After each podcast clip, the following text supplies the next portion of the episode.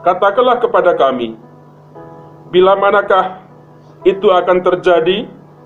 Apakah tanda kedatanganmu dan tanda kesudahan dunia?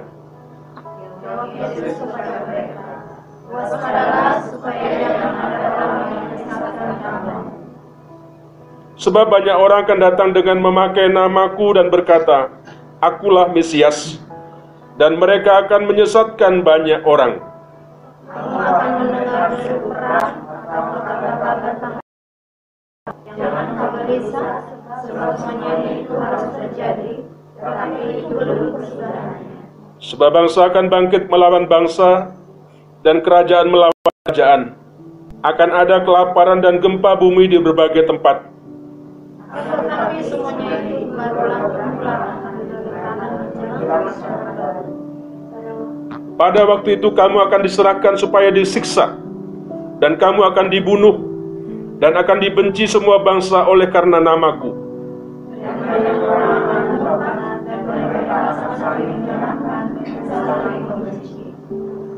Banyak nabi palsu akan muncul dan menyesatkan banyak orang.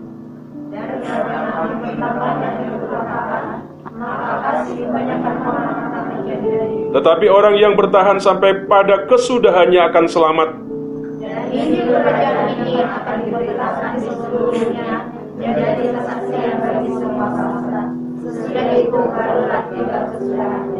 Amin. Bapak Ibu Saudara dikasih Tuhan, mari kita memperhatikan di dalam ayat yang ke-12. Mari kita baca bersama-sama ayat yang ke-12, 34.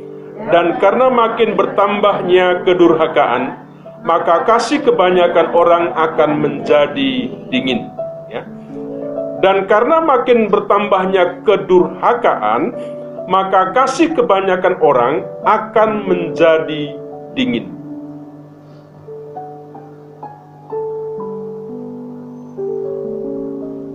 Kasih kebanyakan orang akan menjadi dingin.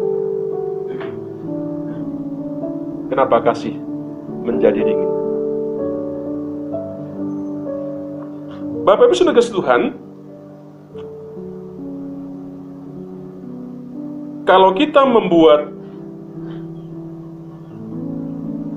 apa namanya teh, ya, membuat kopi, tentunya kita harus menggunakan air panas, air yang mendidih, dengan maksud supaya teh atau kopi itu bisa larut. Demikian juga dengan gula pasir, ya, yang kita campurkan di situ. Setelah kita aduk, barulah kita bisa bisa bisa apa namanya bisa bisa mengarahkan kepada sebuah sajian yang yang sesuai dengan selera kita. Apakah kita mau buat dingin? Ya. Kita mungkin perlu tambahkan air atau mungkin kita kasih es. Ya. Tetapi ada memang bahan-bahan tertentu yang mungkin membutuhkan air dingin. Tetapi biasanya kalau kita membuat seperti itu biasanya dibutuhkan namanya air yang yang yang mendidih seperti itu. Nah, ada sesuatu yang apa yang bisa kita melihat di dalam bagian ini Bapak Ibu? Semakin ya, kita dari yang panas tadi kita menambahkan air dingin atau es ya untuk bercampur dengan air yang mendidih maka air pun akan menjadi dingin sepanas apa pun itu kalau Bapak Ibu coba kasih air yang dingin atau es batu maka akan semakin dingin ya walaupun tidak tidak ditambahkan dengan es atau air dingin, tapi nanti dalam proses teh yang tadinya panas, kopi yang tadinya panas, kemudian lambat laun menjadi. Nah, segala sesuatu yang dibiarkan atau ditambahkan unsur yang berlawan sifatnya pasti akan mengalami sebuah perubahan. Ya. Dari panas menjadi dingin. Nah, tak terkecuali dengan apa yang kita baca hari ini tentang kasih.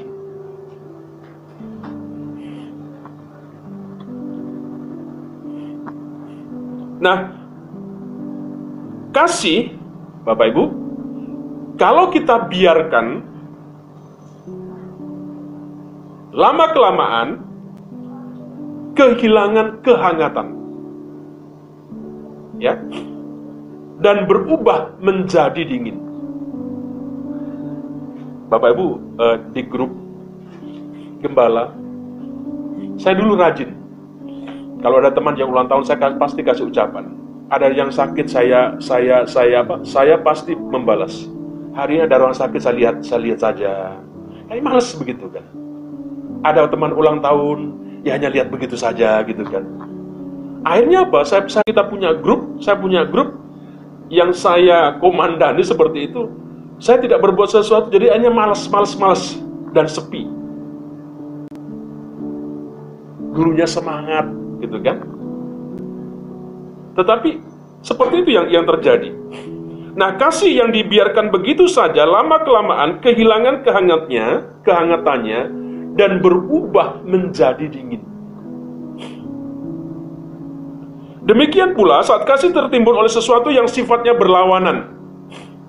Maka lama-kelamaan kasih tersebut akan menguap dan menjadi dingin. Nah, apa yang kita baca dalam ayat yang ke-12 tadi Bapak Ibu? Dan karena makin bertambahnya kedurhakaan, maka kasih kebanyakan orang akan menjadi dingin. Kalau kita membaca mengamati dari uh, perikop ini, di, di sana dikatakan bahwa menjalang kesudahan dunia akan semakin banyak kedurhakaan. Ya. Semakin menjelang dikatakan semakin menjelang ya, kesudahan dunia akan semakin banyak kedurhakaan. Tapi uh, tadi yang kita baca, oh belum, walaupun begini belum, gitu kan? Masih, masih, masih, masih itu mulanya. Kejahatan merajalela di mana-mana. Kita bisa melihat seperti itu. Kesesatan tumbuh subur. Dan berbagai hal yang mengakibatkan kasih kebanyakan orang kemudian menjadi dingin.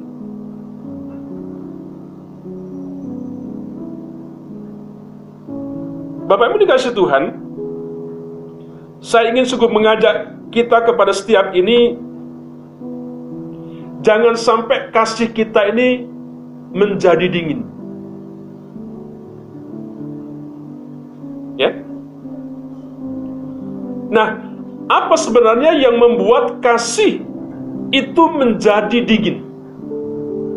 Apa yang membuat kasih kita menjadi dingin? Yang pertama kalau kita membaca di situ, dikatakan ayat yang ke-12 tadi karena makin bertambahnya kedurhakaan. Nah, ternyata kasih itu menjadi dingin karena ada satu sebab yang namanya kedur. Kalau kita melihat uh, terjemahan Kamus Bahasa Indonesia, kata durhaka itu artinya ingkar. Ya. Ingkar terhadap perintah.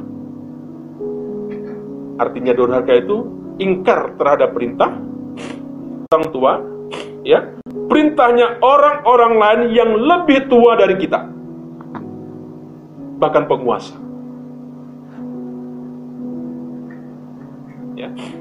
Nah, Bapak Ibu dikasih Tuhan, saya ingin mengajak kepada setiap anak kita belajar anak muda. Kita semua. Jangan menerikan daripada dari pola dunia ini. Mari kita yang adab. Kita adalah orang-orang orang orang Asia, ya. Bapak Ibu, ada ada tata krama, jangan jangan kemudian kita berapa namanya mengatakan bahwa ini demokrasi.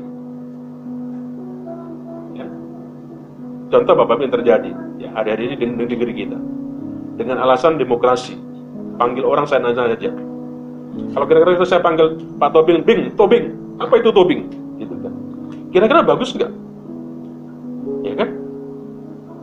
Panggil Pak, Pak Presiden atau Pak Presiden. Itu siapa itu Jokowi? Ya. Adabnya sudah luntur hilang.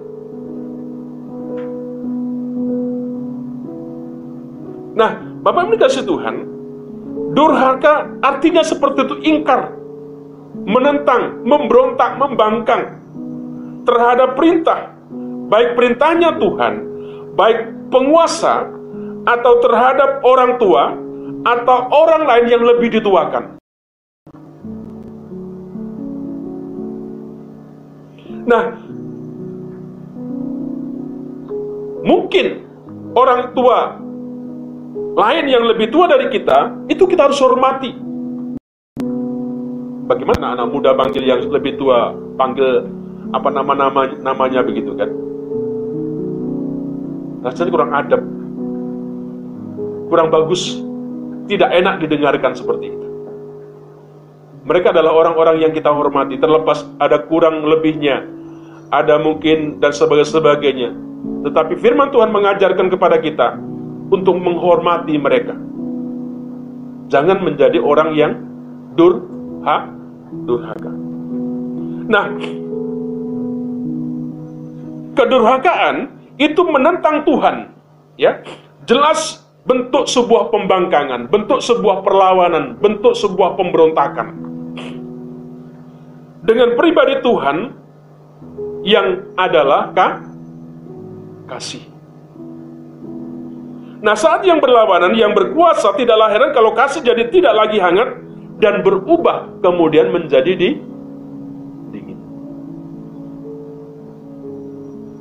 karena sudah tidak mengindahkan apa yang dikatakan Tuhan, apa yang dikatakan orang tua, atau orang yang yang dituakan lebih tua daripada kita yang harusnya kita hormati, kita tidak mendengarkannya. Bapak Ibu, saya ingin mengajak di tengah-tengah suasana pandemi yang seperti ini,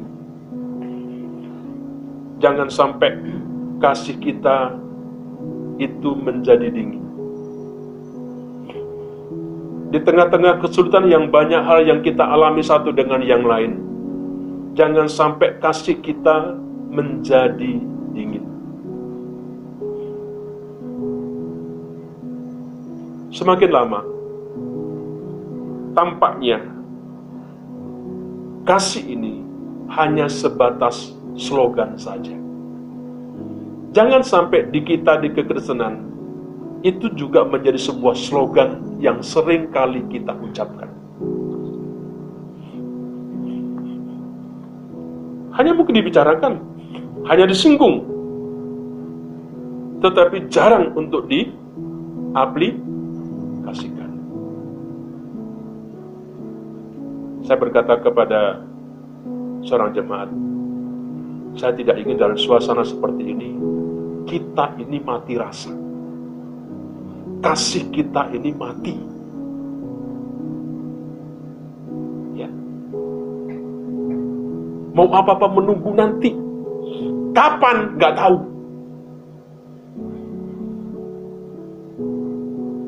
Nunggu waktu yang pas. Kapan waktu yang pasnya? Tidak tahu.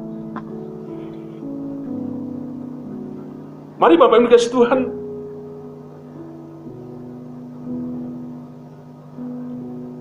kita belajar untuk mengaplikasikan, untuk menerapkan. Ya, kasih itu secara nyata.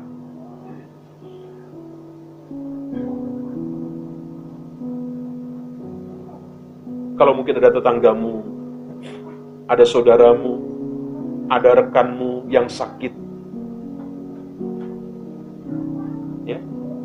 Paling tidak doamu ada.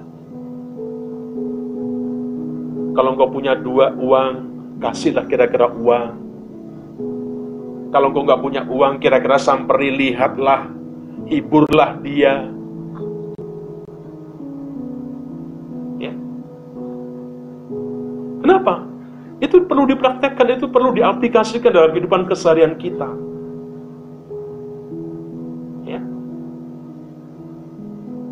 Sehingga jangan sampai itu menjadi sebuah alasan pandemi ini menjadi menjadi alasan bagi kita untuk kita tidak mengerjakan sesuatu.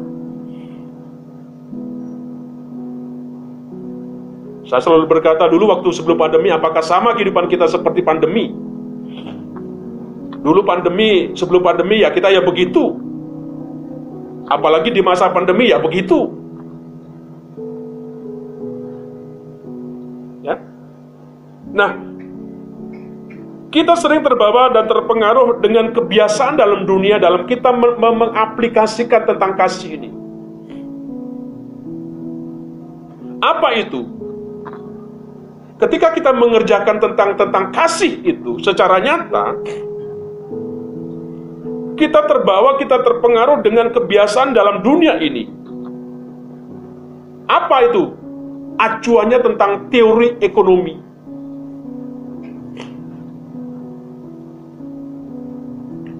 Apa itu teori ekonominya?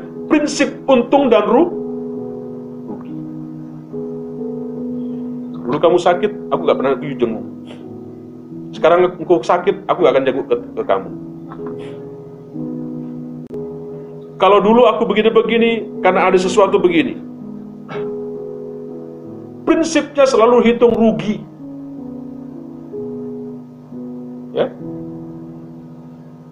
Kalau mau membantu kita melihat dahulu apa keuntungan yang bisa kita peroleh.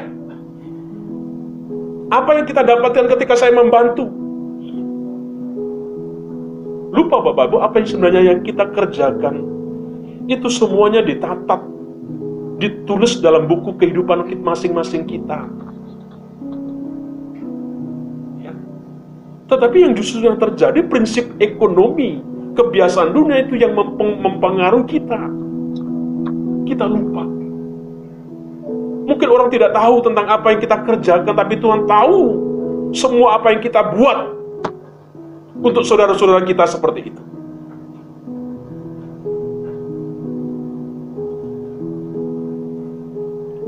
Nah, penentangan seperti ini, pembangkangan seperti ini terhadap kasih pun itu menjadi sesuatu yang dianggap biasa.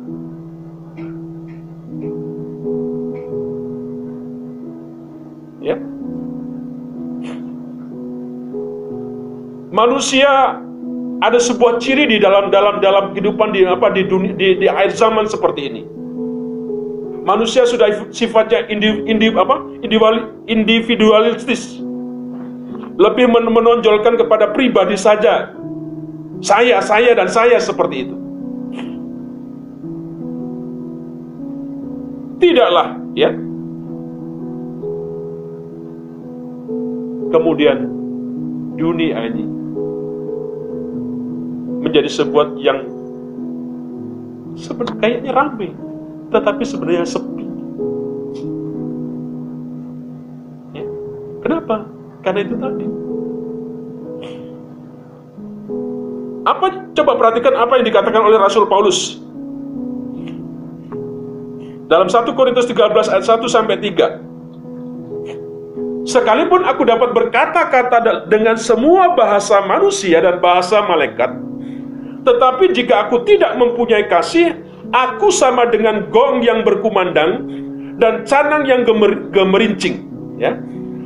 Sekalipun aku mempunyai karunia untuk bernubuat dan aku mengetahui segala rahasia, memiliki seluruh pengetahuan, sekalipun aku memiliki iman yang sempurna untuk memindahkan gunung, tetapi jika aku tidak mempunyai kasih, aku sama sekali tidak berguna. Ya, dan sekalipun aku membagi-bagikan segala sesuatu yang ada padaku bahkan menyerahkan tubuhku untuk dibakar, tetapi jika aku tidak mempunyai kasih, sedikit pun tidak ada faedahnya bagiku. Ingat Bapak Ibu, apa yang mau ditegaskan di sini? Hal yang paling mendasar, ya, paling utama dan terutama dalam kehidupan anak-anak Tuhan itu adalah kasih. Kita bisa menjadi orang pintar.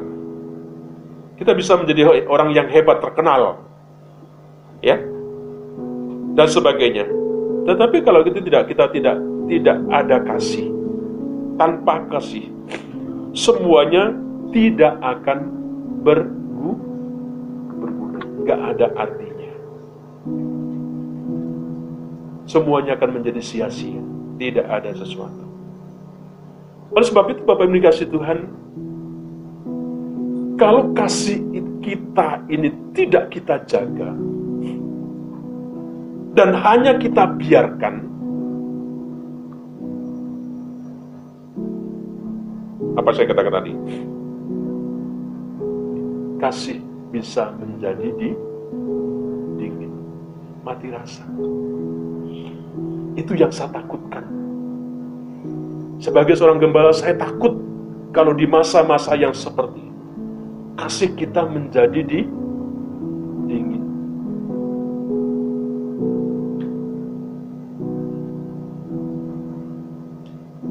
Saatnya di masa-masa perni kita berbagi. Mari kasih kita kita tunjukkan. Engkau yang punya uang, bagilah uang. Engkau yang punya apa saja, bisa berikan hibur, peluk saudara-saudaramu yang mengalami sebuah kesedihan. Ya. Perlu dijaga. Jangan dibiarkan kalau tidak, itu akan menjadi dingin. Jadi apa pun yang kita kerjakan kalau itu tanpa didasari itu Bapak Ibu akan menjadi sia-sia. Tidak ada gunanya seperti kata firman Tuhan. Ada banyak begitu penyesat-penyesat dalam dunia ini. Ada banyak pengaruh teori-teori dunia ya yang mempengaruhi pola pikiran kita dan sebagainya.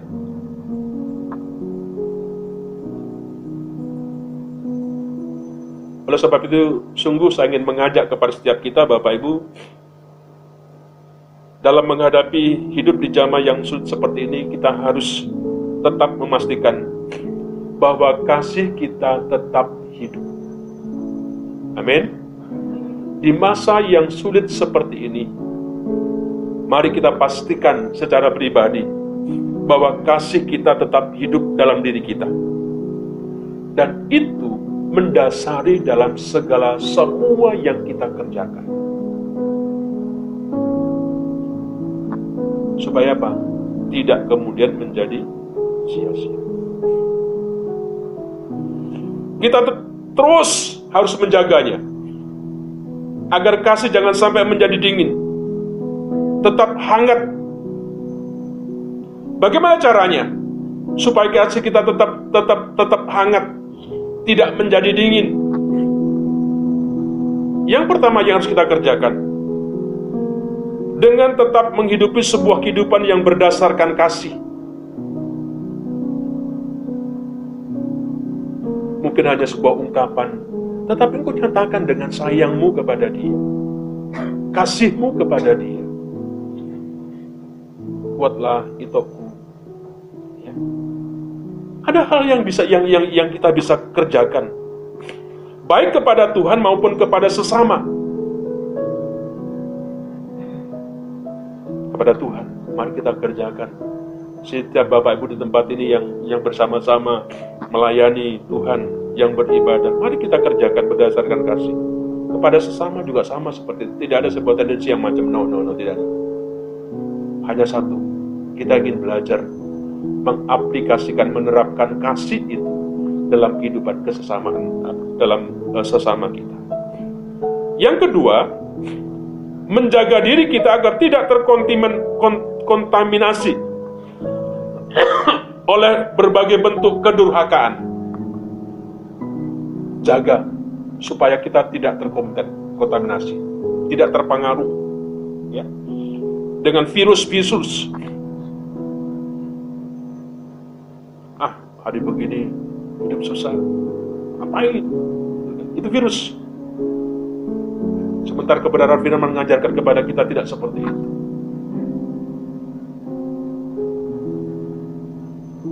Tengah-tengah pandemi, ada firman Tuhan yang mengingatkan. Yang pertama, berdiam diri. Belajar sabar. Katanya begitu. Renungan pagi tadi di Bambang seperti itu. Di masa mana saya seperti berdiam diri. Sabar. Tetap teguh. Ya. Kenapa? Memang situasinya sulit. Memang situasinya seperti ini. Semua kita mengalami. Jangan sampai kemudian ya kita ini terpengaruh dengan berbagai bentuk kedurhakaan tadi yang tentunya jelas-jelas bertentangan dengan firman Tuhan. Itu yang harus kita kerjakan supaya kasih kita tidak tidak menjadi melempem, tidak menjadi mati rasa, tidak menjadi di,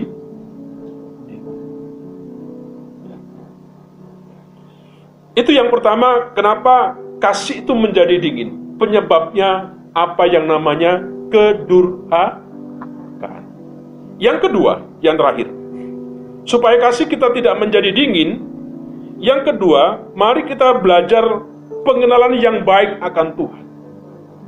Belajar, namanya belajar sampai mati. Mengenal Tuhan, ya, secara baik, secara benar. Nah, ini menjadi satu kunci supaya kasih kita tidak mati. Tidak ditutupi dengan filsafat, dengan teori-teori ekonomi dunia seperti itu. Belajar apa yang dikatakan oleh firman Tuhan.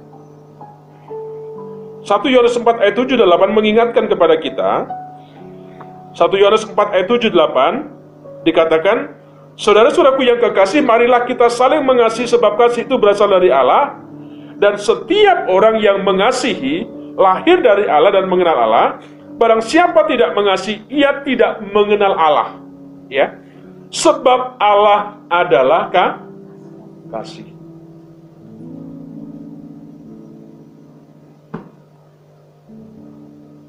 Mengenal yang baik akan Tuhan.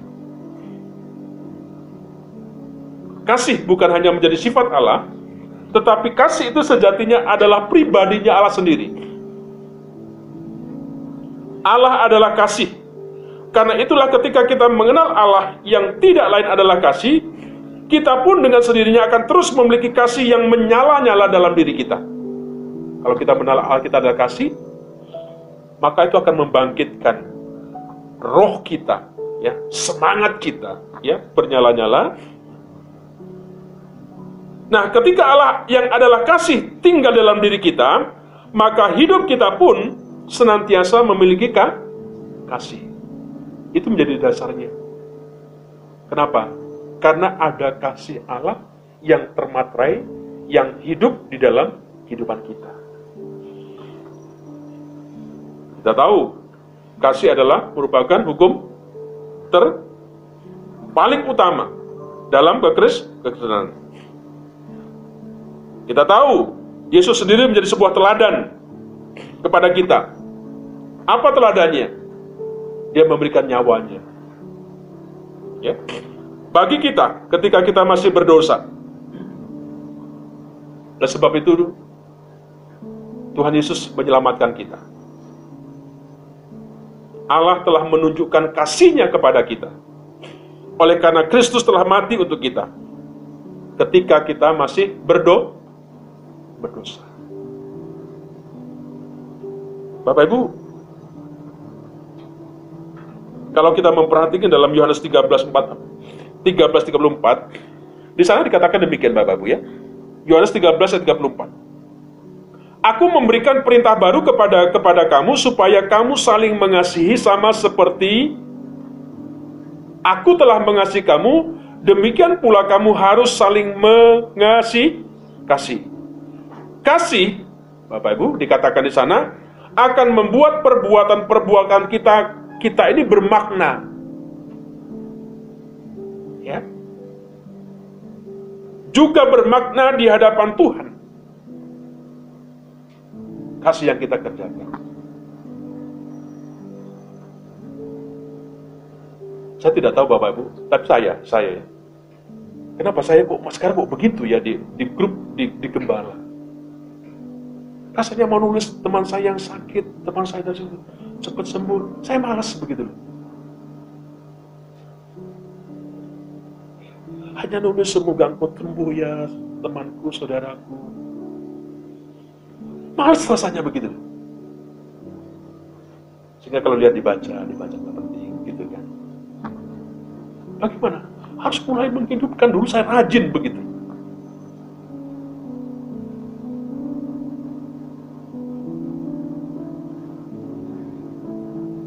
Nah, kasih dikatakan akan membuat perbuatan-perbuatan baik kita ini bermakna. Tidak hanya bagi diri kita, bagi orang lain, kepada diri kita sendiri, terlebih kepada tu, Tuhan. Bahkan, kasih pun mampu membuat kita terhindar dari jebakan berbagai jenis dosa. Tetapi yang terumah, kasihlah sungguh-sungguh seorang akan yang lain sebab kasih menutupi banyak sekali do,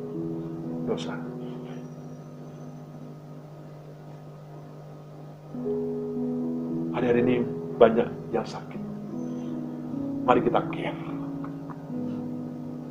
Saya ngomong sama pelayan begitu, ada temannya sakit, rumah sakit, cicing wai. Apa pendetanya pernah ngajar begitu. Datang kek, doakan kek, di WA kek, cepet sembuh. Kalau sembuh sembuhlah mati matilah kira-kira begitu. Ya kan? Takutnya kita sudah mulai mati rasa.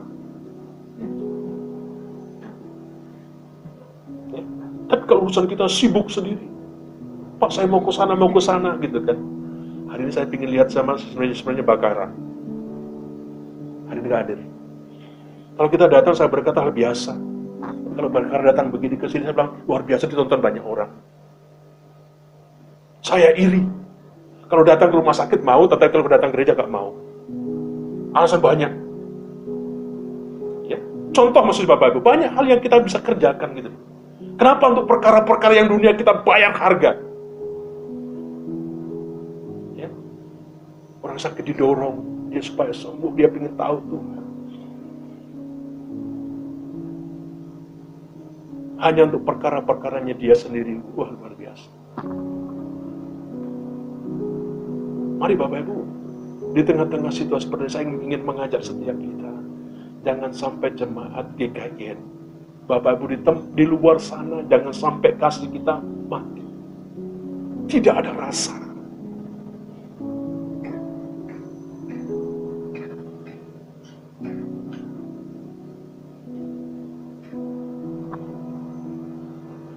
Kasih kita bisa menjadi dingin jika kita terus terjebak pada perbuatan-perbuatan dosa. Di sisi lain kasih terjaga kehangatan menjauhkan kita dari begitu banyak dosa. Selain itu kasih pun bisa menjadi jendela bagi orang di sekitar kita untuk mengenal dan mengalami Tuhan lewat diri kita. Oh orang Kristen itu kuyup ya. Dari mana? Dari kasih yang dinyatakan seperti itu.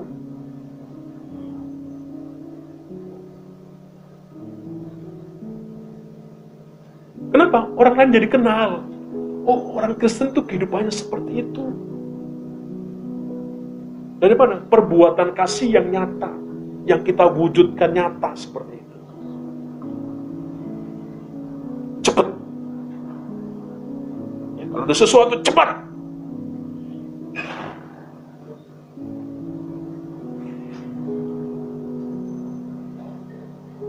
Mari Bapak dikasih Tuhan, saya sungguh mengajak kepada setiap kita. Mari kita belajar untuk tetap mendekatkan diri kepada Tuhan.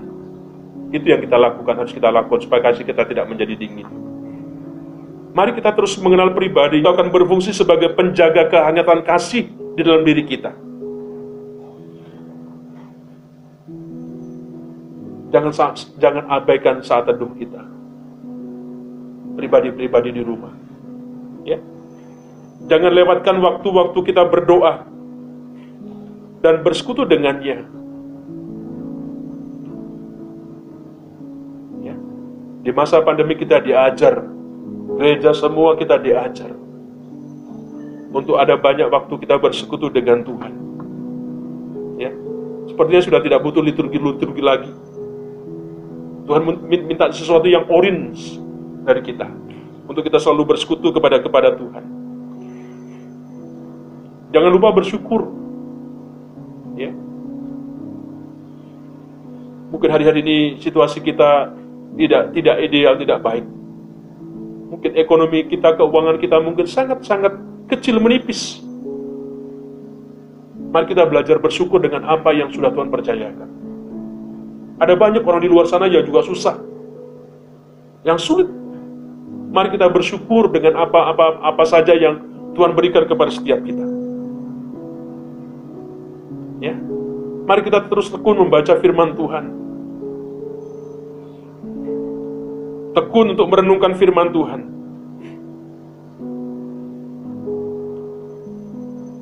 Pertemuan-pertemuan ibadah kita sangat kecil.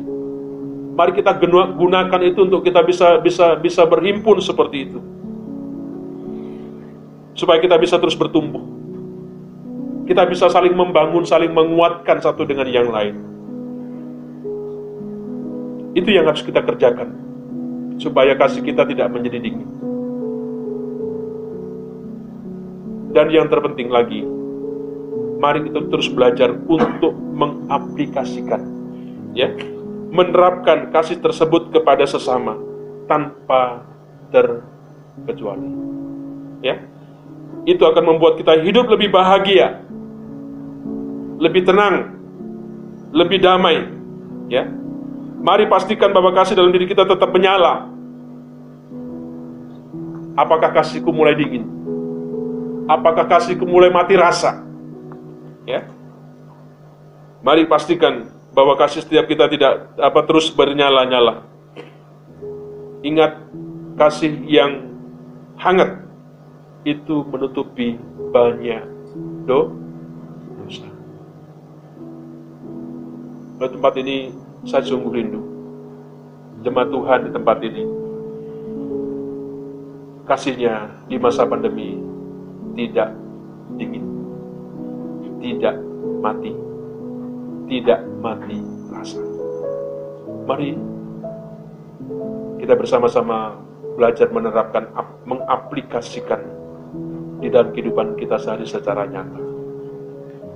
Biarlah hanya Tuhan yang dipermuliakan. Apa yang kita kerjakan biar orang lain melihat Tuhan melalui kehidupan kita secara praktis.